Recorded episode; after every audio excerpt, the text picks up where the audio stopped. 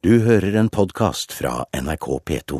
Frode da Costa Lia, du er redaktør og ansvarlig utgiver for fotballtidsskriftet Josimar. Jeg innledet med å si at Uefa har nulltoleranse når det gjelder rasisme. Og så er disse to landene slags rasismeverstinger i Europa innen fotball. Det henger ikke på greip, dette her? Nei, ved siden av Russland så er de eh, en av verstingene. Eh, men det er også viktig å, å, understreke at eh, det er jo ikke Uefa selv som har valgt vertsnasjoner. Dette har jo vært et valg. Og så lenge det er nok land som ikke respekterer menneskerettighetene og null toleranse for rasisme, så kan det ofte gå slik. Men hva er det som kjennetegner fotballnasjonene Ukraina og, og Polen? Ja, på stadionene så er det det at det er utrolig mye nynazistiske fans.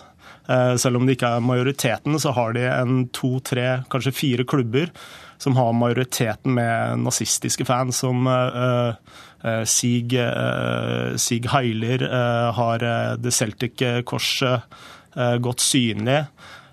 Som Og dette Celtic-korset, det er en slags hvit stolthet? Ja, det er White Pride.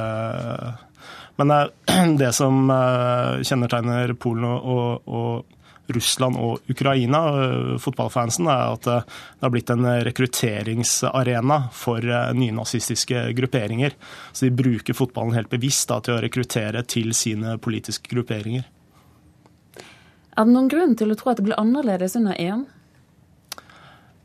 Ja, jeg tror, tror, egentlig det. Uh, nå har jeg sett noen rapporter på at uh, Eller som de ofte har gjort det tidligere uh, i andre mesterskap, hvor det har vært mye fotballpøbler og annen type kriminelle, er at det gjerne foregår en sånn massearrestasjon sånn tett opp til, til mesterskapet for å rydde unna de verste elementene. Vi får spørre Gunnar Ekeløv Slydal, du er assisterende generalsekretær i Helsingforskomiteen. Eh, vi hører dette er jo egentlig da brudd på menneskerettighetene. Er begge land like ille? Eh, altså Vi regner nok Polen som å være bedre enn Ukraina på veldig mange menneskerettsområder. Men i forhold til eh, rasistiske holdninger og eh, også rasistisk motivert vold, så er det et problem i begge landene. Jeg tror beslutninga om å gi Ukraina og Polen EM ble fatta så tidlig som i 2007. Eh, og da så jo det politiske bildet litt annerledes ut. Da hadde man ennå en reformorientert styre i Ukraina. Husket kanskje bedre oransjerevolusjonen? Ja. Eh, og så kom eh, på en måte han som ble vippa ut under oransjerevolusjonen. Han gjorde et formidabelt politisk comeback og ble president i 2010. Og Under hans styre så har vi sett noen av de, de gamle sykdomstegnene komme tilbake. Altså et mer autoritært styre. Eh, og kanskje en mindre offensiv eh, holdning i forhold til rasisme og illiberale holdninger. I denne BBC-dokumentaren som jeg nevnte innledningsvis, så får vi se bilder av eh, folk som, altså med mørk hudfarge som regel ble beslått ned, der disse Sig Heil-ropene. Hva slags ansvar gjør det at altså, fotballjournalister eller sportsjournalister som reiser ned for å dekke arrangementet, hva slags ansvar stiller det for dem? Altså Myndighetene i både Ukraina og Polen har jo et ansvar for å sikre at ingen blir offer for rasistisk vold, eller annen type vold i og for seg. Men rasistisk vold er på en måte Eh, enda mer alvorlig. De har et større ansvar der. Og Begge landene er jo medlem av Europarådet, så de har veldig store forpliktelser til, eh, til, å forhindre at sånt skjer. Og Det vil jo også være en katastrofe for et vertsland hvis uh, mesterskapet blir prega av rasistisk vold. Både mot tribune, de som sitter på tribunene og mot tilreisende journalister. Hvis det skulle vise seg at dette blir virkeligheten under fotball-EM, sportssjef her i NRK Rune Haug, hva slags utfordringer stiller det for dine journalister som du sender ned?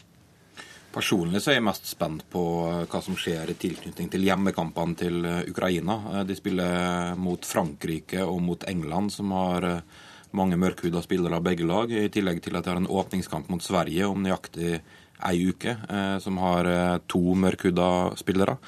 Eh, så det, det, er klart at Hvis dette skulle oppstå der nede, eh, så er det noe NRK vil dekke, sporten og nyhetene, i tett samarbeid. Hva tror du? Altså, altså, er det stor sannsynlighet, slik du vurderer det, for at noe kommer til å skje?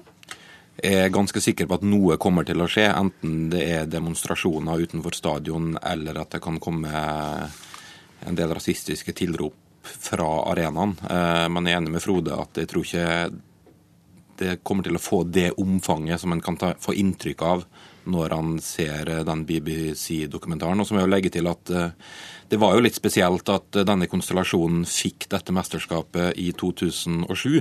Eh, dersom de ikke hadde fått det, eh, så ville mesterskapet sannsynligvis ha gått til Italia, som kom på andreplass. Eh, som kanskje er den nasjonen som fremstår som den mest korrupte, i hvert fall sånn fremstår som det. Og Det er ikke mange dagene siden statsministeren antyda at de kanskje burde ta en fotballpause i Italia i tre år. Frode da Costa Lia, synes du det var klokt å gi mesterskapet til Ukraina og Polen? Som jeg sa i stad, altså, var jo dette et valgt uh, mesterskap. Altså, det er jo ikke noe Uefa eller Fifa eller olympiske komiteer for den saks skyld velger. Uh, men nå er det sånn at land som Iran, Russland, Aserbajdsjan har like mye og en like god stemme i disse rådene som alle andre. Men det har jo vært mye snakk om boikott. Eh, av mesterskapet. Merkel gikk jo ut og ville boikotte eh, EM. Og det tror jeg vil ha en helt bumerang-effekt. Hvorfor det? Jo, fordi sånne eh, mesterskap har en bred støtte i befolkningen for øvrig. Og der ser man at regimet får heller større støtte enn motsatt.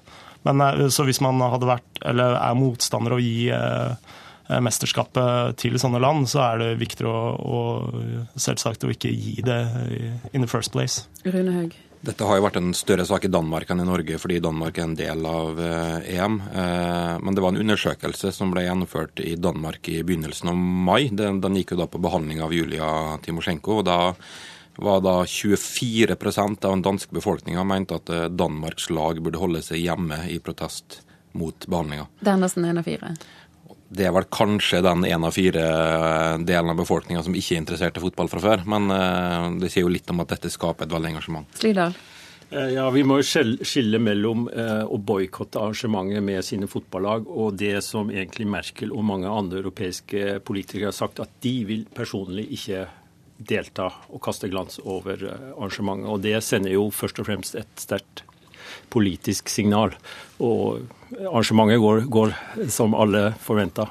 Men er det et signal som blir, altså blir tatt hensyn til? Altså Betyr det noe at uh, slike personer som Merkel da ikke involverer seg?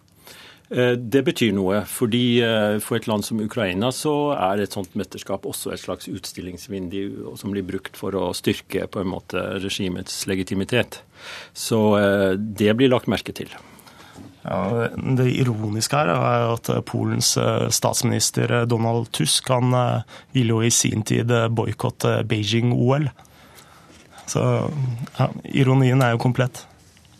Uh, Rune Haug, hvordan blir det altså jeg tenker, Dette med å blande politikk og sportsjournalistikk, hvordan stiller du deg der? Sport er politikk, og politikk er sport. Det er ofte de politiske myndighetene som legger rammene for eh, sportsutøvelsen innen hvert land.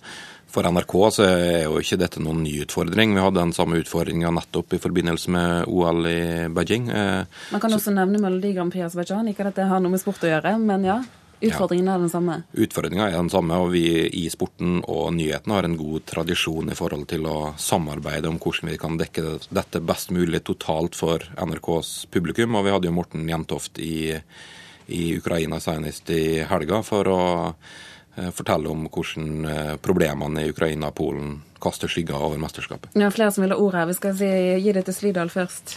Ja, det er jo eh, sånn vi tenker også, at uh, det er veldig sjelden vi går inn for boikott. Men det å bruke sånne arrangement til å kaste lys over de uheldige sidene i de samfunnet er veldig viktig. Eh, OL 2014 i Sotsji er også en gyllen anledning til å uh, fortelle om situasjonen der. Pleier man å utnytte disse situasjonene til å gjøre akkurat det? Belyse de mindre heldige sidene? Eh, til en viss grad. Jeg syns eh, Eurovision i Baku var et eksempel på at vi fikk eh, ganske mye reportasjer om hva som ikke er bra i det landet.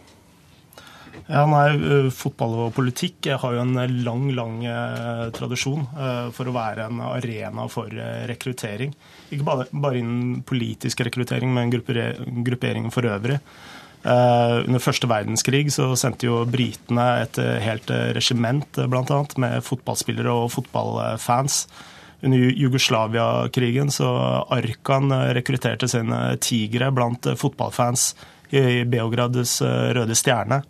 Revolusjonen i Egypt ble jo, var det jo fotballfans fra laget Al-Haji som sto i spissen. Så det man ser i Ukraina og Polen, hvor eh, nynazistiske fans, eh, eller nynazistiske grupperinger, rekrutterer fra fotballen, den er kjent. Er, det noe godt svar på hvorfor? Altså, Hvordan har det seg at eh, fotball er en slags rekrutteringsarena? Ja, det er fordi det er en stor masse, en homogen masse, som er lett å forme raskt. Rune Haug hadde noen betenkeligheter med å sende journalister ned til fotball-EM? Eh, ingen betenkeligheter utover at de må forberede seg på det som kan vente dem der nede. Vi i NRK-sporten skal jo først og fremst formidle ti fotballkamper direkte. Eh, og de som kommenterer må være forberedt på at det kan oppstå situasjoner både i forkant av kampen og under kampen som de må være best mulig forberedt og kunne bakgrunn for å formidle til det norske publikum. Mm. Slydal, altså internasjonal presse kommer jo til å strømme til disse to landene. Hvordan står det til med pressefriheten der generelt? Ja, jeg tror nok de internasjonale mediene får jobbe som de vil. Eh, det vil være skadelig for, eh, for ryet til landet hvis de, hvis de, forsøker å begrense internasjonale medier. Men vi har sett de siste årene under Janukovic en innstramming av pressefriheten i landet. Gjerne ved at man legger stort press på eierne av ulike TV-stasjoner og radiostasjoner om å forhindre at de kritiserer myndighetene for mye. Mm. Vi skal sette strek der. Vi får se hvordan det går. Takk for at dere kom hit eh, til Kulturnytt, sportssjef her i NRK Rune Haug, Gunnar Ekeleves Lydal, som er assisterende generalsekretær i Helsingforskomiteen, og Frode da Costa Lia, redaktør og ansvarlig utgiver for Josimar. Du har hørt en podkast fra NRK P2.